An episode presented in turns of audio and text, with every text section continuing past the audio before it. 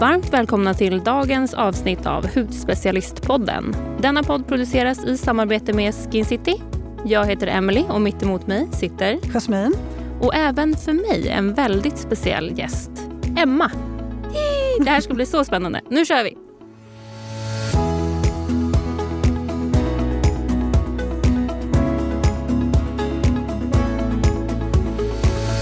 Vad ska du göra i helgen, Jasmin? Alltså jag ska åka till min kompis i Öland. Eller på Öland. Nej, vet du, hon bor här i Stockholm. Men hon har en stuga på Öland. Eh, mm. Eh, vi brukar åka dit hon och jag på tjejweekends, resor. Mm. Lite så. Eh, och det enda vi pratar om inför de här resorna det är vad ska vi äta, vad ska vi dricka, vad ska vi ha med oss? Vi, det är mycket ja. mat att dricka. Det är bara ni två eller? Det är bara vi två. I ett litet attefallshus som ligger precis vid alltså, havet. Mm.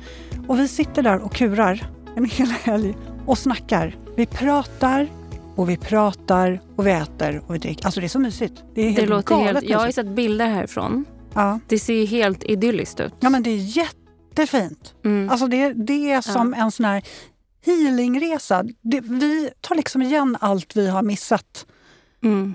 på det år. Vi ses typ bara då, en gång ja. per år. Och då tar vi igen allt. Det mysigt. är så mysigt. Det låter helt fantastiskt. Och så hoppas jag få gosa med lite kossor också. Kossor? Mm. Ja. Har, inte jag, har inte jag sagt till dig att jag gillar kor? Jag älskar nej, kor! Nej, men nu när du nämner kossor, då kommer jag tänka på att för några helger sedan så var jag på korsläpp. Oh. Har du varit på det? Nej, jag har köpt biljetter flera gånger så har jag varit tvungen att avboka, tyvärr. Eh, och någon gång var jag tvungen att avboka för att ingen i familjen ville, bara jag. Ingen av barnen var ah. intresserade heller, det var bara jag som ville gå. Ja, men det är så himla mysigt. Alltså kossorna, när de springer ut, de hoppar hoppar. Ja. De är så gulliga. Det är som vi svenskar när vi kommer ut när du vet, solen kommer fram och så hoppar vi och så blir vi så glada. alltså så himla fint. Eh, men du kanske kan köpa en egen ko då? Ja, men vet du, jag, ja, men det här är ingenting att skoja om. För det här är typ någonting som jag på riktigt har föreslagit till Jocke. Jag vill, det är mycket djur som jag vill Jag skickar länkar till Jocke hela ja. tiden. Men ko säger han nej till eller? Ja, han säger nej till väldigt mycket. Ja. Eh, kan jag säga. Men vi eh, jag ska inte vänta längre med presentationen här tycker jag. För vi har ju som du nämnde Emma Tyllström med oss. Du är empowerment coach med inriktning på self-care, meditation, mindfulness. Alltså jättevarmt välkommen! Applåder! Yay, tack. Det är så kul att ha dig här. Kan du inte berätta lite kort om dig själv och din bakgrund? Oh, vart ska jag börja? Eh, jag heter Emma. Jag är eh, mamma, jag är fru, jag är obotlig anteckningsboksnörd och eh, pannkaksälskare. Och det väl jag, om man ska inte prata om mitt yrke eller vad jag gör på min vardag, så är det väl det som är liksom Emma i ett nötskal. Gud vad härligt. Mm. Alltså, du Emelie känner ju Emma som förut. Ja. Ska jag berätta? Ja, du måste göra det. Nej, men alltså, det här tycker jag är så eh, fint. Emma är ju alltså min eh, coach. Eh, och hon har coachat mig i 16 veckor. Eh, men det här är faktiskt första gången som vi träffas på riktigt. Och det känns så spännande och så läskigt också. Alltså, det här är ju en person som vet mina innersta hörn. alltså så mycket, men, som vet om mina skavanker, som enligt mig själv var skavanker. Som inte är för övrigt längre, tycker jag. Nej, men jag hade hamnat på en plats i livet där jag stod inför väldigt mycket tuffa beslut. Jag visste inte riktigt vart jag skulle börja eller vilken väg jag skulle gå. Och Då tänkte jag att men jag behöver börja med mig själv. Och eh, Då hittade jag Emma på Instagram genom hennes live-meditationer som hon har varje torsdag. Och Bara av att höra rösten så tänkte jag så här, det här är det vackraste jag har lyssnat på det fick mig att börja meditera för det första. Men också så kände jag att jag behövde ta kontakt med henne. Så då gjorde jag det. Och så hade vi ett första möte. Och på den vägen är det. Gud vad häftigt. Ja. Det, jag är så tacksam att jag vågade och att jag gjorde det. Ja, gud vad spännande. Ska, ja, jag tänkte att vi, vi, vi ska grott, ja, vi ska verkligen grotta ner mm. oss i mm. mer vad du gör och allt. allt. Men vi, vi skulle gärna vilja köra lite fem snabba med dig först. Let's do it. Ja. Ska du börja, Emily? Ja. Eh, vilket är ditt stjärntecken och kan du identifiera dig med det? Jag har kräftan i min sol. Det finns ju tre tecken man egentligen tittar på om man ska vara liksom hardcore astrologi-nörd. Men jag är kräfta och superduper kräfta. Verkligen så här hemmarotta. Älskar att ha det så här ombonat och härligt och mysigt hemma och tycker mm. om att få hem folk och bara se till att de mår bra. Så absolut, superkräfta. Mm. Men vänta ett tag, vad då tre? Man brukar titta på solen, som ju då är det vanliga stjärntecknet. Och sen så finns det, tittar man på månen, eh, var någonstans i vilket stjärntecken månen är placerad. Och sen så tittar man på ascendanten, som är, eller ascendenten, som är eh, det tecknet som, som var på väg upp kan man säga när du föddes. Okej, okay, så det stjärntecknet man läser om i tidningarna, det är solen? Yes. Okej. Okay. Jag är också kräfta by the way. Ah. Ja, jag är tvilling.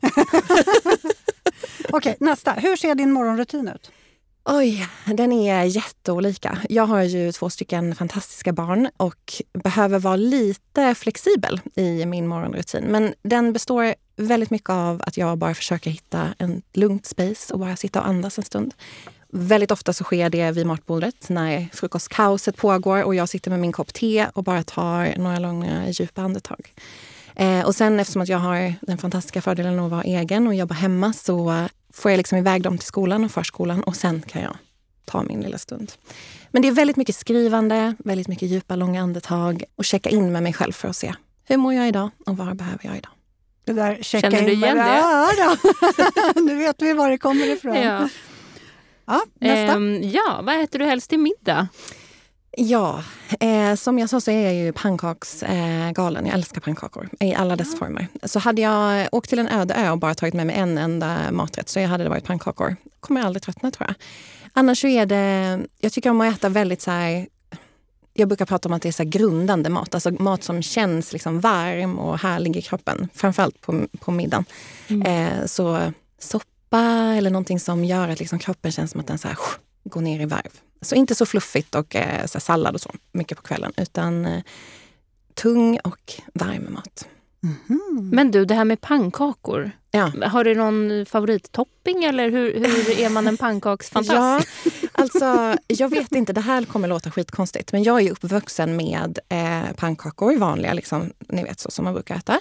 Och sen så har man jordgubbssylt. Men sen så har man bacon och en liten knorr. För man har liksom wienerkorv också som man liksom rullar in i pannkakan. Jättekonstigt. Med jordgubbssylt? Med jordgubbssylt, men det är så gott. Men vet du, det där får mig att tänka på, jag har min farmors man. Han äter ju tjockpannkaka med kaviar och grädde. Oh my God. Han är från norr... alltså, det är också konstigt. Ja, men det känns som en liten sån alltså, ja. kombo. Lite sött och lite salt. Exakt. och lite så. Och så korven är ju som ett, så här, man blir ju mätt. Mm. För annars kan man äta hur mycket pannkakor som helst. Men korven fyller liksom en liten funktion i att ja. man också blir mätt. Det blir lite matigt. Liksom. Exakt. Mm. Mm. Hur ser din drömsemester ut? Mm. Jag önskar att jag kunde säga att det skulle gå till värmen och att det skulle få vara sol och varmt och lugnt och skönt. Men för er som inte ser mig så har jag pigment som inte alls överhuvudtaget tycker om att vara i solen. Så jag är en storstadstjej men tycker främst om att bara få leva livet som de här människorna i den här staden lever. Så inte så mycket turistig av mig men tycker jättemycket om att gå och sätta mig i en park och bara titta på folk. Eller sitta på ett fik och titta på folk. Så storstan, gärna Paris eller ja, men något sådär livsnjutar eh, semester. Men när du säger titta på folk, ja. är det så, så att den där personen skulle behöva gå ner i varv, den där är stressad. alltså, hur? Nej, men jag är mer intresserad av, jag älskar ju att titta på, alltså studera folk och bara säga, vad gör den här människan på dagarna? Varför handlar den den här lunchen? Alltså jag, jag, brukar säga det till min man och skämta om att om jag skulle jobba på ICA eller någon annan eh, matvarubutik, då skulle jag ju sitta och analysera vad folk handlar för att undra, så undrar vad hon ska äta idag. eh, så det är väldigt mycket mer så att jag liksom bygger upp en story kring de här personerna och vad de gör och hur de lever och liksom fantiserar mig iväg i min egen lilla värld. Sånt är lite häftigt när man är på flygplatser. Oh. För där är det människor från alla världens hörn mm. som möts. Då kan jag faktiskt vara precis likadan. Då kan man sitta och titta så undrar man undrar vart den personen är på väg. Var mm. kommer den ifrån? Vad har den för liv? Mm. Och man mm. ser, alltså jag såg ju folk som var på väg till Mecka. Mm. Mm. Det var liksom det var så stort. Det är så häftigt på något vis. Um, så att, ja, jag, jag håller med. Det är intressant med människor. jag håller med. Ja, okej. Okay. Och vilken var den senaste hudvårdsprodukten som du köpte? Ja, det var ju eh, Mantles Dream Mask. Det är en eh, produkt som jag har haft sen de släppte den och sen aldrig mm. släppt taget om den. Så den passade jag på. De hade ju en, en drive här för ett tag sedan med så här, ta två för en och då mm. fyller jag på badrumsskåpet. Jag har hört rykten om att du aldrig lämnar ditt hem nej, utan den. Nej, gud nej. Den följer jag. Den ställde följeslagare. Varför tycker du så mycket om den? Ja, men jag har en väldigt, eh, väldigt torr hy och ja, det är som att jag vaknar upp som en helt annan person när jag eh, smörjer in den på, på kvällen. Så det, den är alltid med. Mm. Den är alltid med. Åh, vad härligt. Det är så härligt att hitta sådana där produkter. Exakt. Som verkligen är favoriter. Det är då mm. man håller taget i dem. Ja, verkligen. Okej, men Emma, idag så är ju det här ditt heltidsjobb. Yes. Eh, men vad gjorde du innan du valde att bli coach och vad fick dig liksom att välja den vägen? Vill ni ha hela storyn? Eller ska ja. Vi... ja, vi vill ha så mycket vi kan få. jag har väldigt många S i min rockarm och har alltid varit väldigt nyfiken på att lära mig nya saker. Så i grund och botten så är jag, vilket kanske förvånar väldigt många, eh, programmerare och eh, supernördig eh, kod och älskar att bygga hemsidor och eh, jobba med kod och eh, allt vad, det, vad som kommer med det. Jag har också under tio års tid jobbat som bröllopsfotograf. Startade första företaget när jag var 18 och fotade bröllop fram tills vår dotter kom och jag började känna så här, mm, att vara iväg varje lördag under hela året, det är inte jättemysigt med barn. Så mm. då la jag det på hyllan. Men nu här allra senast, förutom att också då vara utbildad journalist, så har jag jobbat med digital marknadsföring på, med en så fin titel som heter Growth Hacker. Som mm. betyder att så här, få så mycket kunder med så lite pengar som möjligt och liksom skapa, skapa stor eh, men, traction med eh, målgruppen. Så det jobbade jag på ett IT-bolag i Lund fram tills eh, Love kom, min son, vår son. Och jag började känna så här, hmm, är det verkligen det här jag ska göra med mitt liv? Och jag lovade mig någon gång för en herrans massa år sedan att när jag började känna det där skavet som jag inte kunde sätta fingret på, att så, nej, men jag ska nog inte vara här längre, så skulle jag ta det på allvar. Så när jag var mammaledig med Love så fick jag känslan av att nej, det här är inte här jag ska vara. Så då sa jag upp mig, tog familjen och pick och packet, hyrde ut vårt hus, flyttade in i en husbil i åtta månader och åkte Sverige och Europa runt med tanken att så här, nu ska jag hitta det nu ska jag hitta mitt jobb. Det där tror jag är en dröm många har, men det är inte många som vågar. Nej, nej och det är, eh, vi får ganska ofta höra det. Att så här, gud vad ni är modiga. Åh, ni har någon extra gen som, som gör att ni vågar kasta er ut. Men det, jag skulle vilja säga att vi är ganska bra på det, jag och min man. Att så här, ta de där små drömmarna och så här, oh, men vi, vi gör det. Och inte övertänka, för det, då är man ju körd i sekunden man tänker tanken. Egot. Mm. Exakt. ja, vi kommer till det också. Ja, det gör vi. Eh, så inte övertänka, utan bara göra. Och oftast då så löser det ju sig. Det vet mm. vi. Det gör det ju. Hur vet man inte, men det gör det. Och där under den resan så började den här känslan av att säga, ja men jag vill ju jobba med människor. Det är ju det jag tycker är roligt, att träffa och få vägleda och guida. Och eh, ja, på den vägen är det. Mm. Så när vi kom hem därifrån så var det bara raka vägen, starta bolag, utbilda mig till coach och här är vi nu. Gud vad spännande. Så coolt. Ja, helt ja. fantastiskt. Men hur ser en vanlig dag ut för dig då? En vanlig dag, den ser ut som så att jag, som jag sa, lämnar barnen på skolan och förskolan. Har min lilla stund efter att jag gjort det för att landa och eh, bara känna in var jag befinner mig någonstans idag. Sen har jag ganska ofta coachingsamtal och pratar med som Emily, mina fantastiska kunder och, och får liksom guida och vägleda i det. Sen så gör jag väl allt som alla andra företagare gör. Håller på med massa admin-grejer, bokföring och nu har jag också en anställd så nu måste man ju vara extra noga med att prata med henne och se till att hon mår bra. Och mycket, mm. mycket coaching. Och sen så, ja, jag spelar in massa meditationer och så det händer lite bakom kulisserna också. Mm. Så olika, men ganska lika. Och du, på din hemsida där kan man läsa att du är empowerment coach. Mm. Vad innebär det? Ja, jag tänker att det innebär så mycket olika för olika människor. Men för mig så handlar det jättemycket om att guida framförallt kvinnor, då, eftersom det är min största målgrupp, till att hitta tillbaka till liksom kärnan inom sig själva. Det är ju väldigt vanligt att vi idag upplever att man kanske har tappat bort vad man själv vill. Man har skapat sig något form av liv där man känner att så här, det ser bra ut på pappret, men var det verkligen det här jag ville? Och man vågar inte riktigt lita på sig själv längre. Och att för mig att vara empowerment coach handlar om att, att lära de jag, de jag coachar att komma tillbaka till den känslan av att men det är jag som bestämmer. Det är jag som vet vad jag vill. Jag kan lyssna på mig själv, jag vet hur jag gör. Jag kan skilja på vad som är rätt och vad som inte är rätt för mig och att sen hjälpa dem att ta de där stegen och våga eh, vara modiga och våga lyssna på sig själva. Mm. Mm. Jag tror att det kan vara ganska svårt många gånger. Absolut, mm. jättesvårt. Mm. Det är det. Då undrar jag ju, vilka söker sig till dig? Alltså, vad vill de som söker sig till dig uppnå? Är det liksom att man vill hitta den här inre balansen eller kanske försöker få någon slags vägledning om man är i något vägskäl till exempel inte riktigt vet. Alltså, vad, vad, vad vill folk uppnå när de kontaktar dig? Vad, vad, vad vill de? Vad vill de? de? Väldigt många, och där tänker jag att Emelie också kanske kan både instämma, men väldigt, väldigt många kommer till mig och känner sig lite vilse. Man har kanske som sagt skapat sig det där livet som man trodde att det var det livet man ville leva. Det ser väldigt bra ut på pappret. Man har allt det där som på något sätt samhället förväntar sig att man ska ha när man är x år gammal. Och så finner man sig i det och så känner man så här, hmm, undrar om det verkligen var här jag ville vara. Man kanske har jobbat ett tag och man, man börjar känna att så här, nej men det kanske var något annat jag ville eller jag kanske ville någon annanstans. Man har kanske lyssnat väldigt mycket på vad alla andra runt omkring en tycker och så har man gjort en massa saker som man till slut känner att nej men det här är nog inte riktigt jag. Men framförallt skulle jag säga att den största det som jag ser som ett eh, gemensam nämnare hos de allra, allra flesta är den här känslan av att så jag tror inte att jag lever mitt liv. Det känns som att jag bara finner mig och är i livet. Men är jag verkligen här? Och lever jag verkligen så som jag vill leva? Och gör jag verkligen det jag vill göra? Och att där känner man sig lite vilse och lite förvirrad. Mm.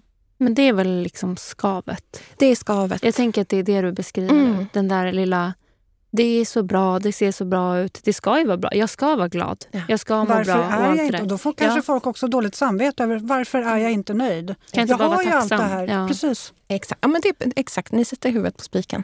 Mm.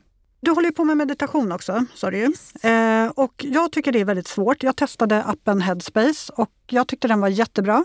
Nu har jag inte använt den på ganska länge. Men jag är ju lite så här, jag har fått för mig att ska man meditera så ska man helst göra det utan vägledning. Jag kan ha helt fel nu. Jag behöver ju någon som guidar mig om jag ska meditera. För jag kan inte, om inte jag har någon som säger hur jag ska göra, mm. då svävar jag iväg. Då börjar jag tänka på disken och jag börjar liksom, jag kan inte fokusera. Mm.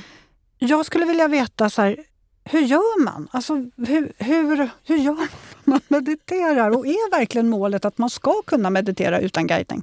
Jag skulle vilja börja med att säga absolut inte. Alltså känslan av att meditera själv tror jag är väldigt få som tycker att det känns bekvämt. Jag gör inte det eh, av många olika anledningar. Men jag tänker att man får hitta det sättet som funkar för en själv. Eh, men det är ju just det du beskriver med att man har tankar som bara flyger iväg och man har svårt att hitta något att fokusera på. Det är det som många kommer till mig och säger så här, jag kan inte meditera för att jag, mina tankar slutar inte snurra. Va, vad ska jag göra?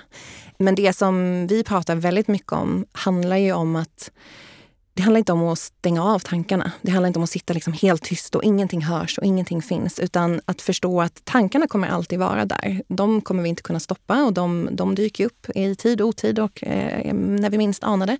Men att just veta att vi har ett val att eh, välja att inte tänka på dem. Eh, så skillnaden mellan att ha tankar och att tänka på dem. Så vi lär oss att observera att jaha, där var den tanken. Hej på dig. Jag släpper taget om dig nu. Jag kommer tillbaka till min andning, för nu är jag här. Och då är det lättare väldigt många gånger när man lyssnar på någon, för då kan man ju komma tillbaka till den rösten eller till musiken som är där. Så jag tänker att det är upp till var och en vad man tycker är, ger mest effekt. Mm, kan du meditera, Emelie? Ja, men jag kan meditera idag. Men jag hade samma frågeställningar som du hade. Eh, men där tror jag att det var Emmas förtjänst. Just för att hon är väldigt, i sina meditationer så är det så här, om du försvinner i dina tankar, kom tillbaka till min röst. Så här, det är okej okay om du vill titta, stå, ligga, sitta. Eh, vill du ha ögonen öppna? Alltså, det, det är okej, okay, man får göra på sitt sätt. Så för mig var det i början var det lättare med guidning, att, att någon sa åt mig vad jag skulle göra. Men när man har gjort det varje dag, i till exempel då 16 veckor som jag gjorde, då kan man ju jag tycker att det är lättare nu att göra det själv utan guidning för att man lär sig. Så jag tror att man eh, att landa i att det är okej okay att göra lite hur man vill. Det behöver inte vara sitta med benen i kors och fingrarna som en sån liten ring på knäna och, och sitta med rak rygg och blunda i 30 minuter. Alltså jag kan inte heller göra det. Utan man får göra lite som man själv vill. Mm. Så länge man kan hitta det som man vill hitta i meditationen. Alltså lugnet, den grundade känslan och så vidare. Nu undrar jag ju om du kanske också snart börjar jobba som coach. coach. ja, vem vet. Jag, jag hör vad du säger. Okej, men eh, Emma, vad är dina tips till den som vill börja meditera? Då? Vad ska man tänka på? Mm. Många tycker ju faktiskt att det är lite hokus pokus med meditation. Jag tror att det har blivit mycket mer accepterat nu och sen kanske ganska många år tillbaks egentligen. Men det kanske fortfarande också sitter i det här. Mm. Vad är egentligen meditation? Varför ska man meditera? Vad är det bra för? Mm.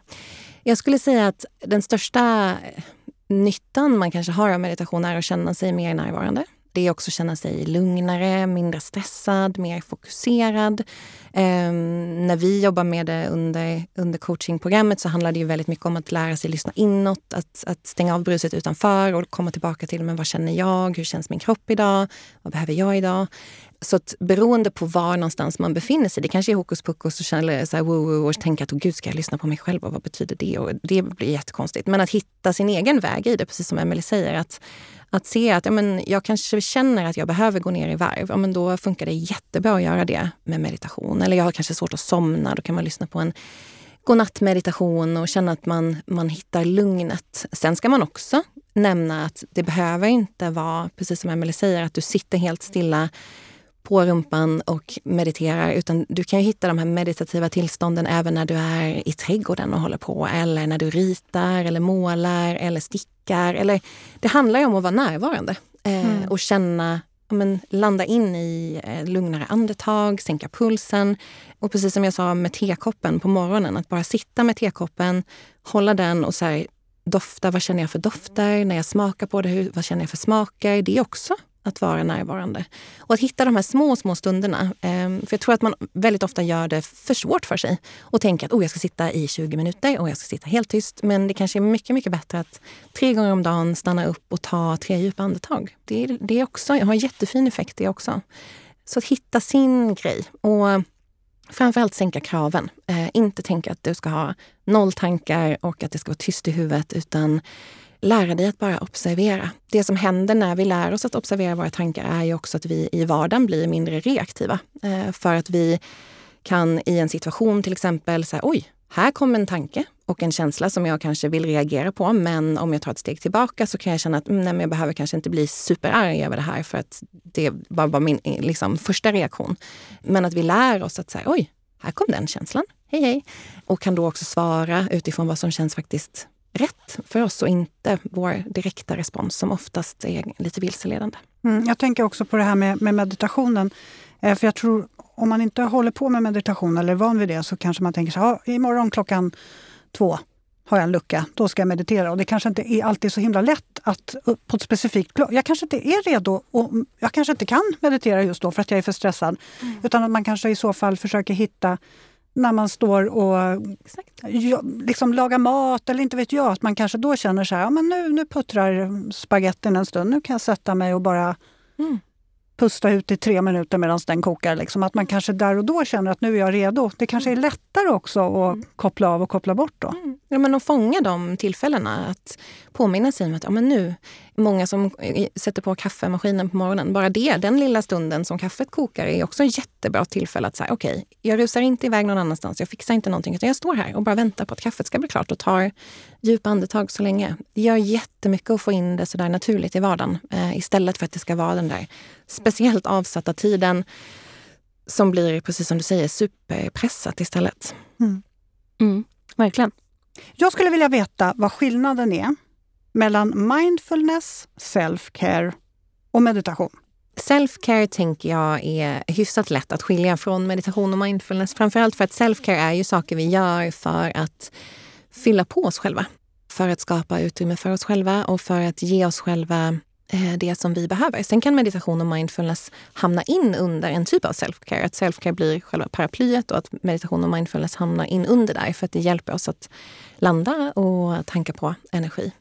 Sen har vi meditation som ju är en typ av sätt att vara närvarande eller att skapa en känsla av mindfulness. Där kanske mindfulness mer är det här som du nämner när vi står och lagar mat, att man är närvarande här och nu. Så att meditation är en typ av eh, verktyg man kan använda för att komma in, in i mindfulness och i närvaron. Så de går ju hand i hand och in i varandra. Men att just mindfulness är den här närvaron i det jag gör. Okej, okay, hur smakar det? Hur känns det? Vad ser jag? Där meditation också är någonting som vi kan, men att vi då kanske lite mer bestämmer oss för att nu vill jag sitta och andas och checka in med mig själv. Så jag förstår att det känns som att de går in i varandra och det gör de.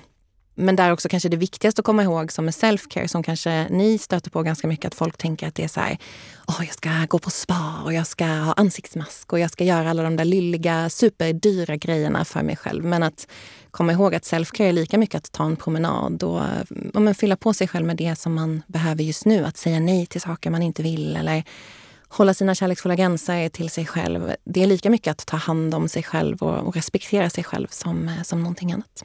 Mm. Mm. Och upplever du att efterfrågan att ta hand om sig själv och lyssna till sitt inre och hitta sitt ja har ökat på senare tid? Ja, jättemycket. Jag upplevde att det var i samband med att covid kom som det blev som en otrolig boom av folk som ville och kände att herregud, vad, vad är jag någonstans och mm. vad vill jag och hur ser mitt liv egentligen ut? När alla fick den där ofrivilliga, för många pausen och kunde kanske börja lyssna på det där skavet och lite grann mm. förstå vad det handlade om. Så efter det så tycker jag att det har ökat jättemycket. Och det är ju superduperfint så länge det inte också blir den här känslan av oh nu, alla tänker på detta så nu måste jag också. Och så blir det en press åt det hållet istället utan att eh, landa i hur man själv känner. Det är inte mm. ett måste att jobba med sig själv och meditera och göra alla de här grejerna, även om det är superhärligt och vi är många som pratar om fördelarna med det. Men att hitta sin egen väg i det också. Mm. Och du, om vi ska komma tillbaka till 16 veckors programmet eller The Healing Journey mm. som det så fint heter. Så tidigt i coachingen så fick vi lära känna egot. Mm. Det här är så viktig del tycker jag, för många. Eh, jag har ju eh, lärt ut det här till Jasmine och håller på och tjatar om det och pratar om det med alla i min närhet. Vill du berätta lite mer om egot? För att egot behöver vi lyfta. Jag vart ju lite så förfärad när du började prata om det första mm. gången för jag tänkte det låter ganska det låter inte så positivt. Nej. Det kan man tycka. Och det är det ju igen, alltså, jag tror att alla behöver gå igenom resan med egot där egot först behöver vara väldigt negativt eller det behöver kännas som att det är en fiende på andra sidan. För egot är ju den här inre rösten som är extremt eh, beskyddande, extremt kritisk till allt vi gör och absolut inte vill att vi ska göra någonting annat än det vi gör just nu. Och när man då, som för dig Emily, påbörjar den här resan som vi gjorde så har ju egot miljarder anledningar till varför det här är typ det sämsta man någonsin kan göra. Eh, för egot tycker, om man ska gå tillbaka till var egot kommer ifrån och varför vi har egot, så är egot här för att skydda oss. Och när vi var grottmänniskor så var det egot som var så här, oh, oh, oh, det är ett ljud, det är bäst du gömmer dig. Eller, oh, det är ett farligt djur här bakom busken, så göm dig för det. Och rent krasst så är det ju så att det är de som har varit mest försiktiga, de som har varit mest rädda, det är de som har klarat sig. De här våghalsiga som bara springer vind för våg, de har ju inte klarat sig om vi tittar liksom evolutionärt. Så att vi har en väldigt stark inre rädsla. Och tack och lov i dagens samhälle så har vi inte björnar och farliga djur som går runt på gatorna. Vilket också har gjort att egot har tagit en kanske lite för stor plats i, i våra liv. Så det är den här rädslan som eh, håller oss tillbaka. Och den kommer med alla möjliga typer av eh, ursäkter, undanflykter och anledningar till varför vi inte ska göra saker. Så om du känner igen dig, du som lyssnar, i att du har en väldigt stark eh, kritisk röst som för många tyvärr, när man börjar utforska det, känns som sin egen röst. Då så kan du veta med dig att det är ditt ego. Det gör ju sån stor skillnad. Alltså när man kan identifiera egot i vardagen det är sån stor skillnad. Alltså jag, kan säga, jag står alltså och säger högt, hej hej Fiona, som mitt ego heter. Jag ser dig, jag hör dig, men jag, jag behöver inte bry mig om dig. Så är hon borta sen. Då kan jag liksom... Men finns det någon motsvarighet, någon motpol, motvikt mm. till egot? Yes. Vad heter hon eller han? Eller det? Eh, jag, jag vet inte om det finns något, eh, men vi, eller jag, kallar det för den inre cheerleadern. Och det är ju den här rösten som peppar och hejar och som eh, kanske när egot säger att du är värdelös kommer in och säger det är du inte alls det. Den inre cheerleadern brukar få eh, i gemene mans liv ganska lite uppmärksamhet och känns... Ni vet när man har varit med om, om, i en situation och man går och ältar det och man känner så här, åh oh, gud varför sa jag så? Eller så här, oh, nej men, och man försöker nästan trösta sig själv, men det var nog ingen som tänkte på det. Eller, och så, så kommer man ändå tillbaka till att men jag vet ju att det egentligen inte är så att jag är värdelös, men åh vad det inte känns som att det stämmer just nu. Att man nästan försöker logiskt prata sig ur en situation som man har varit med om. Och eh, hela tiden så är egot där och säger så här, ja nej fast eh, du vet ju att de säkert tänkte på hur du satt eller hur du pratade eller vad du gjorde. Så att man även om man säger, men jag känner ju, jag, alltså, jag vet ju när jag tänker på det att nej men det stämmer ju inte att jag är värdelös så känns det inte så i kroppen. Det är liksom där, den inre cheerleadern är ju såhär, nej men snälla, det, det stämmer inte. Medan då egot säger, det stämmer visst.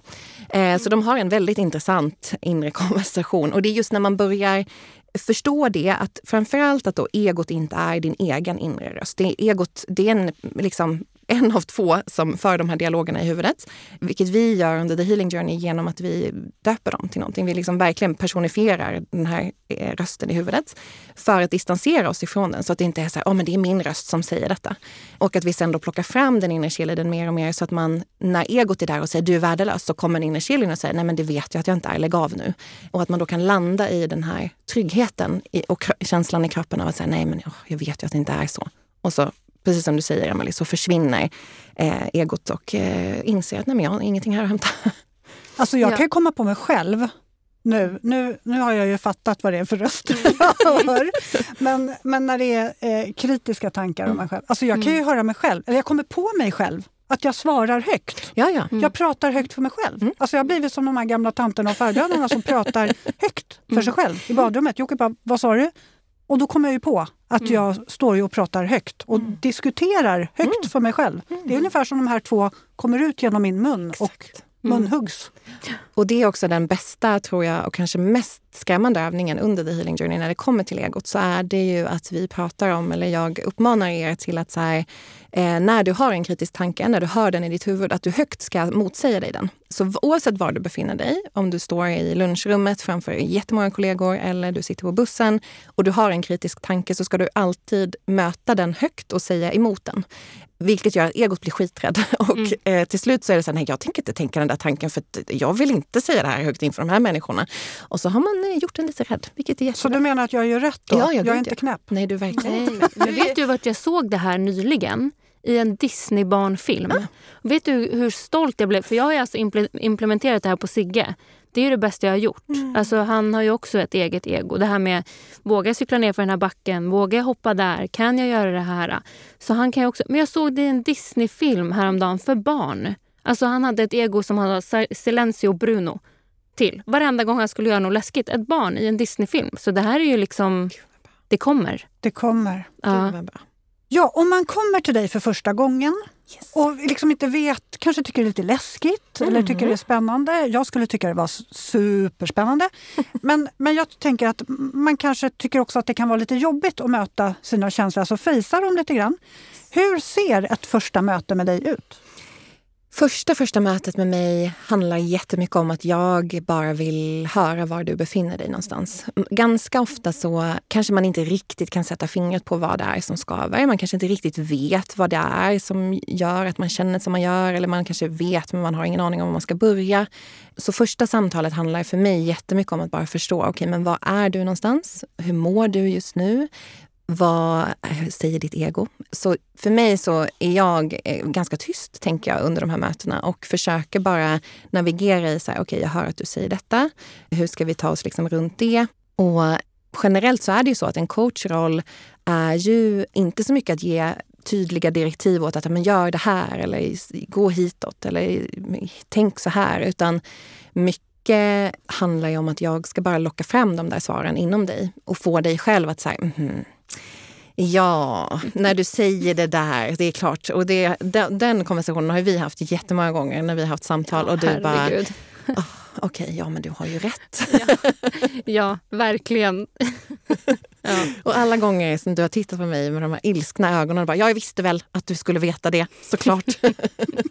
men ändå så lättad. För att så här, okej, okay, jag är inte knäpp eller du vet så här, ja. Fantastiskt. Mm. Mm. Många är ju stressade idag. Och morgonen sätter ju känslan för dagen. Mm. Eh, hur skulle du säga att en optimal start på morgonen skulle vara? Skulle det vara den där koppen som du pratade om inledningsvis? eller? Ja, men jag tror det. Jag tror framförallt att tillåta sig själv att landa i så här, vad behöver jag idag? Jag tror att många är så otroligt ovana vid att checka in med sig själva. Så om jag skulle få rekommendera någonting så är det att innan du ens kliver upp ur sängen, bara ta några långa djupa andetag och känna in så här, vad behöver jag idag? Och då är det inte så här, jag behöver städa eller, ja men det kanske det kan vara i sig, men, men jag tänker så här, ur ett super eh, jag-fokuserat perspektiv. Vad behöver jag göra för mig själv idag? Och det behöver inte vara några stora grejer, för oftast tänker folk att oh, men, oh, det måste vara hur eh, liksom, stort som helst och det ska vara massa grejer jag ska göra. Men att landa i att det kan vara supersmå saker också. Men att just ställa den frågan till sig själv innan man tar in någon form av inverkan från folk runt sig eller från sociala medier eller från sin mail, vad den är. Att, att fråga sig själv, vad behöver jag idag? Det skulle jag säga eh, för alla kommer göra jätte, jättestor skillnad. Och sen ta gärna den där närvarande koppen på morgonen. Det gör också jättestor skillnad. Ja, jag tänker, många är ju ganska stressade och de kanske tänker så här, ska jag börja morgonen med, med att meditera men alltså jag måste få iväg barnen till förskolan, de ska iväg de ska ha med sig matsäck till skolan, alltså de ska iväg vad som mm. helst. Det ska skickas med grejer. Eller att man själv är stressad och man har tidigt möte och man känner att jag fick inte sova något i natt, jag har inte tid. Finns det någonting för de mest stressade som kanske känner så här, jag vet fasiken inte hur jag ska få till någon form av start som skulle kunna embracea hela min dag. Mm. Va, vad skulle du säga där? Jag skulle också säga utöver att fråga sig själv i sängen redan på morgonen vad man behöver eh, och ta den där väldigt, väldigt närvarande koppen kaffe eller te, att eh, lyssna på lugn musik på morgonen. Alltså att, att sätta tonen genom att inte typ sätta sig och lyssna på eh, någon eh, skrikig radiokanal utan att lyssna på lugn musik som också gör att du lite grann kan så här, landa och inte springa i stressen. Men att också påminna sig om att de där tre djupa andetagen gör större skillnad än vad man tror. Och att ta tre djupa andetag mellan att du skiftar mellan olika aktiviteter. Att säga okej, okay, nu har vi ätit frukost, jag tar tre djupa andetag. Nu hoppar jag in i bilen, jag tar tre djupa andetag. För att liksom få ner pulsen och bara komma närmare sig själv. Jag tror att de där små, små, små vardagshacksen är eh, det allra viktigaste. Mm. Mm. Och då om vi återgår till The Healing Journey, det här är ju min soft spot. eh, en av uppgifterna här var att vi skulle göra en hundralista. Yes. Berätta varför vi skulle göra den här och vad det är för något. Mm. Varför tror du att vi skulle göra den nämligen? ja, för att vi ska kryssa för de här hundra sakerna sen. Men hundra saker som ni ska göra? Eller? Ja. ja. Som du är rädd för eller som du tycker... Vad, berätta. Yes. Eh, den här hundralistan är någonting som faktiskt har följt med mig jättelänge innan jag ens eh, började coacha. Jag vet vet inte om det var typ Isabella Lövengrip som la upp det för herrans massa år sedan på sin blogg. Och eh, tanken med den här hundralistan är att det ska vara hundra saker som man vill göra eller som man kanske känner att man att man vill vara. Jag vet att på min bland annat så står det att så här, men, ha matchande underkläder för att man ska känna på ett visst sätt eller ha blommor hemma eh, på fredagen eller att eh, åka till New York med min mamma eller ja, massa olika saker. Så det är inte bara så här, trotsa sina rädslor? Jag ska lära mig att tycka om spindlar, Nej. jag ska hoppa fallskärm. Nej, om man, har, om man tänker att det här vore spännande så kan man absolut skriva det. eh, men jag tror att det snarare mer handlar om att, att här, få, få sätta sig ner och fundera på så här, vad vill jag med mitt liv? Vad är viktigt för mig? Vad, vad känns som att det uh, sporrar och inspirerar mig? Och anledningen till att det är 100 det är ju för att det är ganska lätt att skriva kanske 20. Och sen så kan man pusha sig själv till att skriva typ 40. Och sen så tar inspirationen och idéerna slut. Och då behöver man säga, okej okay, men nu måste jag tänka utanför boxen. För att skriva 100 är svårt. Men det gör också att när man sen tittar på den där listan så blir man ju pepp och pirrig bara av tanken på att säga, tänk att, det, tänk att jag ska göra de här grejerna. Tänk att det här är saker jag vill som jag ska, ska göra som jag vill med mitt liv. Mm. Och så har man den där inspiration, inspirationen och listan att, att gå tillbaka till och titta på och eh, förundras över hur mycket saker som händer runt omkring en och som slår in och som eh, sker utan att man eh, vet om det. Så det är ett superstort tips att göra det. Ja, verkligen. Och du berättade ju för mig att på din egen hundralista så stod det alltså för länge sedan mm. att besöka Skin City. Ja. Berätta. Vem vill inte besöka Skin City? Alltså bara som en liten parentes. Nej, men jag har ju eh, varit ett Skin City-fan jätte jättelänge. Alltså jätte, jag vet inte hur många såna där små eh, gubbar jag har hemma som barnen leker med. Eh, så att för mig så, så har det alltid känts som en dröm att få besöka er och eh, bara vara i den här mm, härliga världen. Jag är också otroligt beroende av, och det sa jag till dig också Emelie, av alla videos när ni packar paket. Det är sånt, jag går igång på sånt totalt. Jag kan sitta och titta mm. på det i timmar. För att jag tycker det är så härligt att titta på.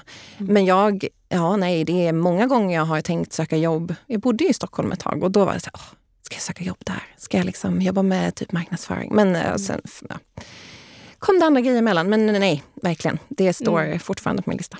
Och nu är det här. Ja, ja så kul. Men du, Emelie, jag skulle ja. vilja gå tillbaks till de här 16 äh, veckorna. Mm. Hur har det liksom förändrat dig och vilka är de största vinsterna? Men jag tror att en stor förändring för mig har nog varit den här äh, grundade känslan som jag har väldigt lätt, eller lättare ska jag säga, att hamna i idag. Ja, men den här stå och andas vid kaffemaskinen. Alltså jag kan hitta, jag kan komma tillbaka när det händer saker. Men jag tror att den största förändringen har varit att jag alltid ser mig själv och min egen roll i alla händelser och situationer. Liksom, eh, istället för att fråga mig själv eh, varför gör den här personen så här mot mig? Så frågar jag mig nu vad är det som gör att jag triggas av det personen gör mot mig och hur ska jag komma vidare från det? Eh, alltså få bort fokuset från alla andra. Jag kan inte förändra andra människor. Det är inte min rätt att göra det. Jag kan inte påverka det de gör. Utan det jag kan påverka är mig själv och hur jag ska re reagera och agera. Eh, och det är eh, världsomvälvande för mig. Alltså att liksom ta bort fokus från alla andra och bara fokusera på mig själv. För det är här jag kan liksom göra en förändring. Mm. Så det har nog varit det största. Sen har det hänt så extremt mycket. Men just det är ju sådana saker som påverkar en i livet. Alltså olika typer av relationer och men, händelser och situationer man ställs inför. Att alltid vara i sig själv där och tänka så här, vad vill jag? Vad triggas jag av? Hur ska jag liksom bemöta det? Det, det har varit den största förändringen för mig. Mm, gällande beteendemönstret då? Tänker du annorlunda i olika situationer som du ställs inför nu? kontra förut? Nej, men jag tror att, att vända mig inåt är det första jag gör när jag ställs inför en utmaning eller en situation. Och långsiktigt så har det gett mig liksom ett, mer, ett lugn och en trygghet. Sen har jag också upptäckt en mer spirituell sida av mig själv, vilket är spännande. tycker jag. Som du kanske inte visste att du hade? Ja men exakt. Nej. nej. Och just det här med att kunna landa i att det som ska hända, det kommer hända. Det som sker, det sker av en anledning och så vidare. Det är flummigt för många men det är sån trygghet att ha med sig det i allt som händer. Alltså, det händer ju så mycket och när någonting sker så är det bara så här, det, det kommer bli bra. Mm. Det händer av en anledning. Jag det tänker också sig. att när, när saker och ting händer, den första reaktionen är ju den, alltså man tar ju den bekväma vägen, alltså lite. Man blir arg, irriterad, sur, fräser, vad man nu gör. Men då istället stanna upp och börja tänka och reflektera, det kan ju inte vara helt lätt heller. Nej, och där nog har nog den största förändringen skett i mitt eh, föräldraskap skulle jag säga. Alltså där har jag ju hittat så mycket triggers med mig själv som jag idag, du vet den här paus, reflektera, kom tillbaka, paus, reflektera, kom tillbaka.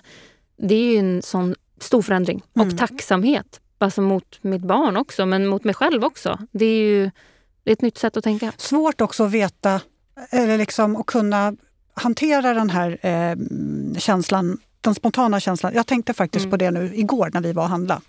Så var vi tvungna att byta kassa för att Ja, vi hade bara kontanter och jag mm. ville göra mig av med dem och så hade jag ställt mig in i en kortkassa naturligtvis. Så vi hade mm. börjat slänga upp grejerna på bandet och då var det så här, ja, nej, men den här tar ju bara kort.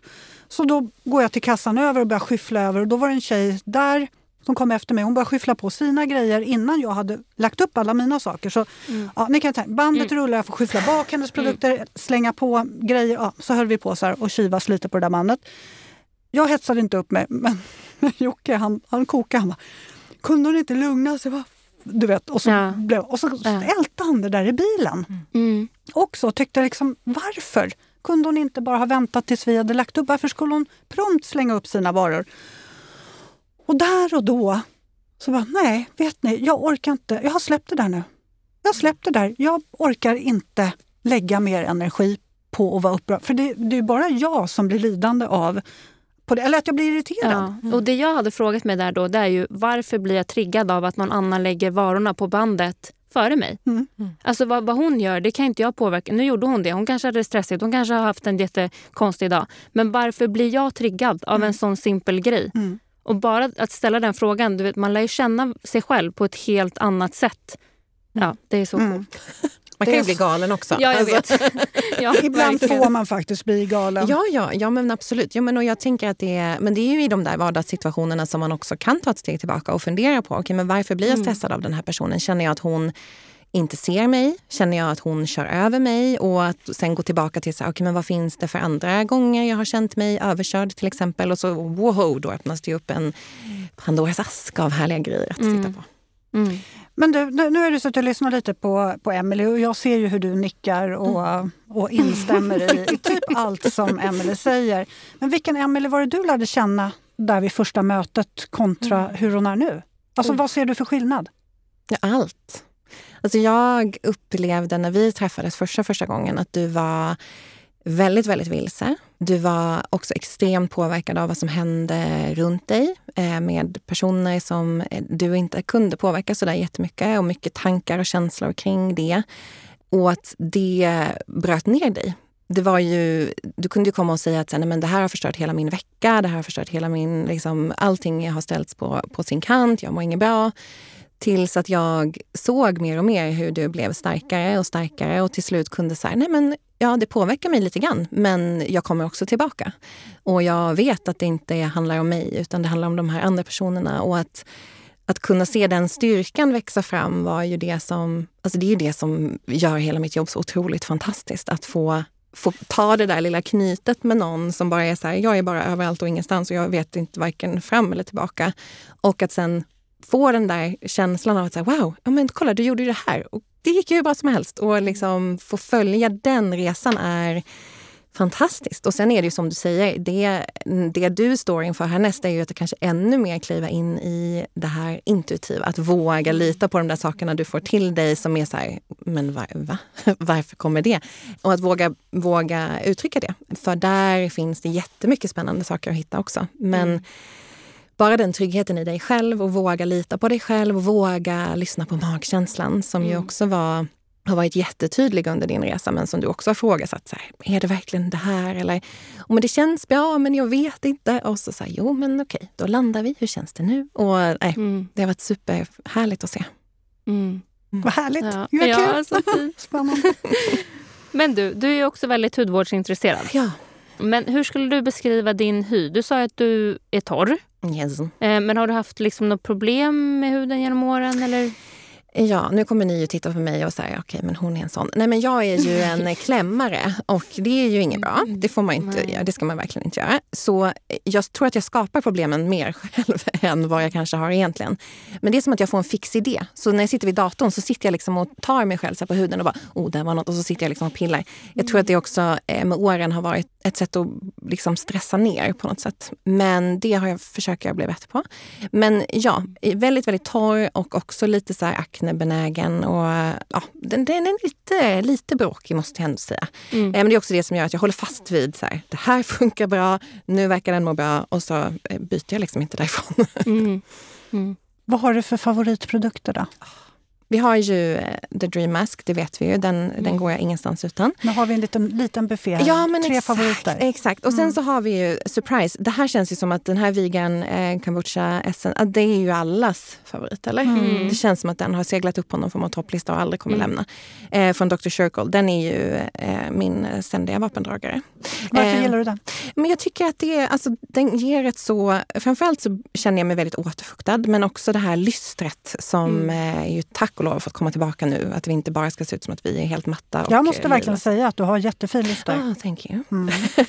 är det på grund av den och den här kanske? Ja, men och den här eh, mandel, liksom, jag vet inte ens hur man uttalar de här namnen, men eh, By Wistrand Mandel Acid. Mm. Eh, mm. den tycker jag lugnar min hy jättemycket. Det känns som att när jag har lite blämmor och finnar och jag tar den på huden så känns det som att så här, mm, det känns bra. Använder du den som kur då? Det känns inte som att du använder den dagligen då? Jo, eller? det gör jag. Ja. eh, och det är väl det också att den är så... Alltså, jag upplever den som mild, det kanske ni kan säga emot. Men jag upplever den som att min hy klarar av att använda den varje, varje morgon. Så det känns... Eh... Men den är mild. Alltså mandelsyran generellt är ju mm.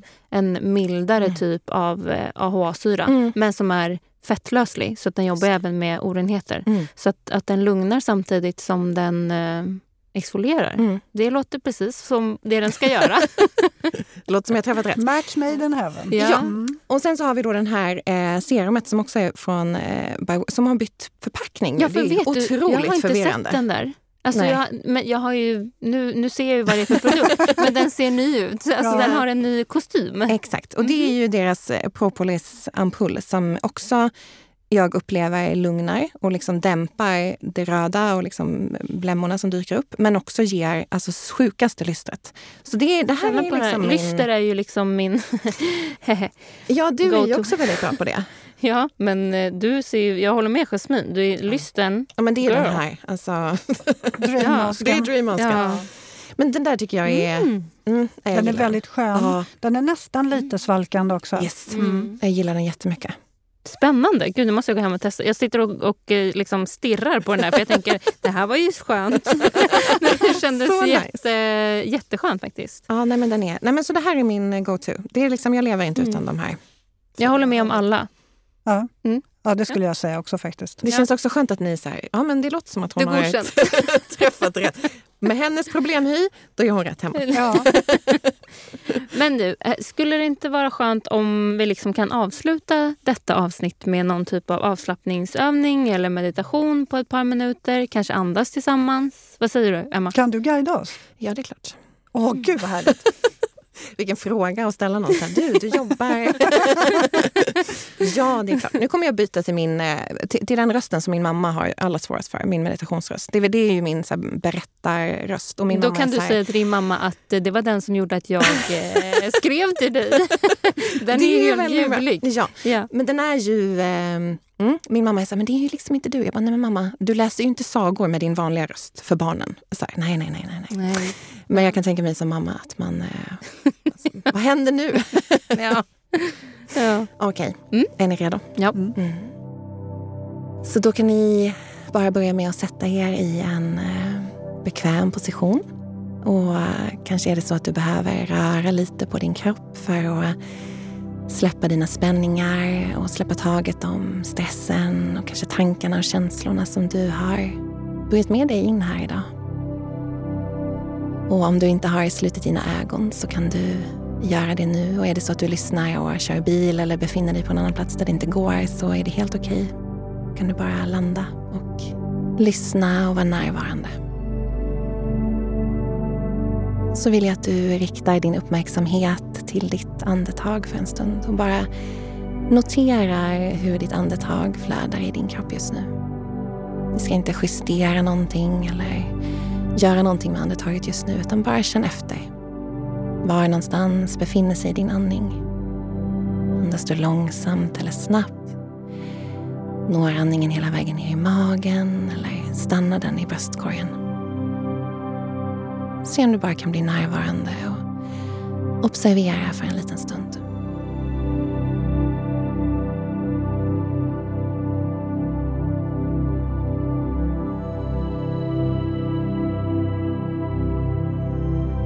Och nästa gång du andas in så vill jag att du ska se om du kan guida ditt andetag hela vägen ner i din mage. Så vi ser om vi kan fylla magen full som en ballong. Innan du långsamt sen låter magen falla tillbaka in i sin naturliga position igen. Du kan andas in genom din näsa eller din mun. Helt beroende på vad som känns allra bäst för dig just nu. Men se om du för varje andetag kan få andetaget att gå djupare och djupare ner i din mage. Så att du fyller magen större och större för varje andetag du tar. Och att du också varje gång du andas ut känner hur kroppen blir lugnare och lugnare. Du blir mer och mer närvarande. Men också mer och mer avslappnad.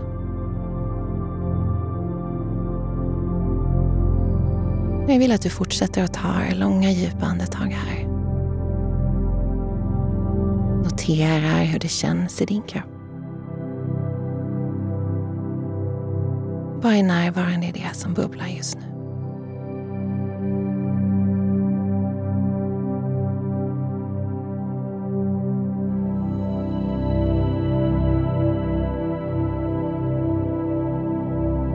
Och känner du nu att dina tankar är här och pockar på din uppmärksamhet och vill få dig att tänka på annat, så är det helt okej. Okay.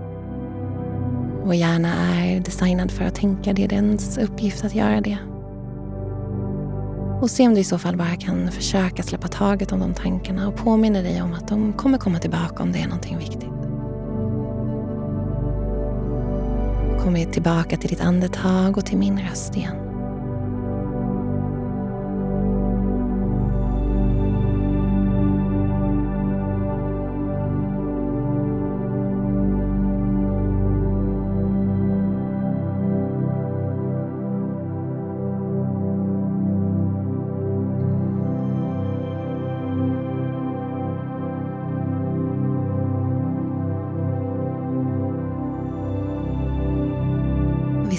Tre stycken sista långa djupa andetag.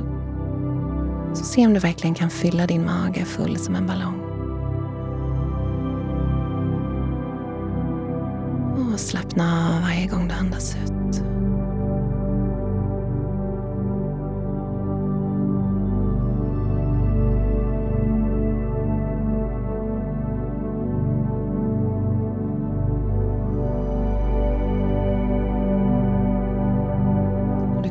Långsamt börja röra på dina armar och dina ben. Vifta på dina fingrar och dina tår. när du känner dig redo så kan du slå upp dina ögon igen och komma tillbaka ut hit. Till mig.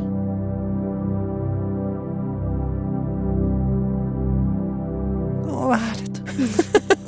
Kändes det bra, Jasmin? Mm. Så mysigt. Mm. Verkligen. Alltså, Emma, stort tack. tack. Väldigt ja. intressant. Um, jag tror att det här um, ja, det är väldigt intressant och jag tror att många kommer att um, kanske tänka ytterligare mm. vidare på det är viktigt att man faktiskt tar hand om sitt inre också. Mm. Verkligen. Så viktigt. Och tack för att du tog dig tiden att komma oh, hit. Tack för att jag fick komma. Det var jättetrevligt att träffas. Mm, detsamma. Ja, verkligen. Mm. Så tacksam att jag fick träffa dig. Verkligen. Hörni, ni som lyssnar. Eh, som alltid är ni jättevälkomna att mejla oss på poddathudspecialisten.se. Vi finns på bloggen Hudspecialisten och på Instagram med samma namn. Och med det här så önskar vi er en trevlig helg. Ja. Ha det gott. Hej då. Hej då.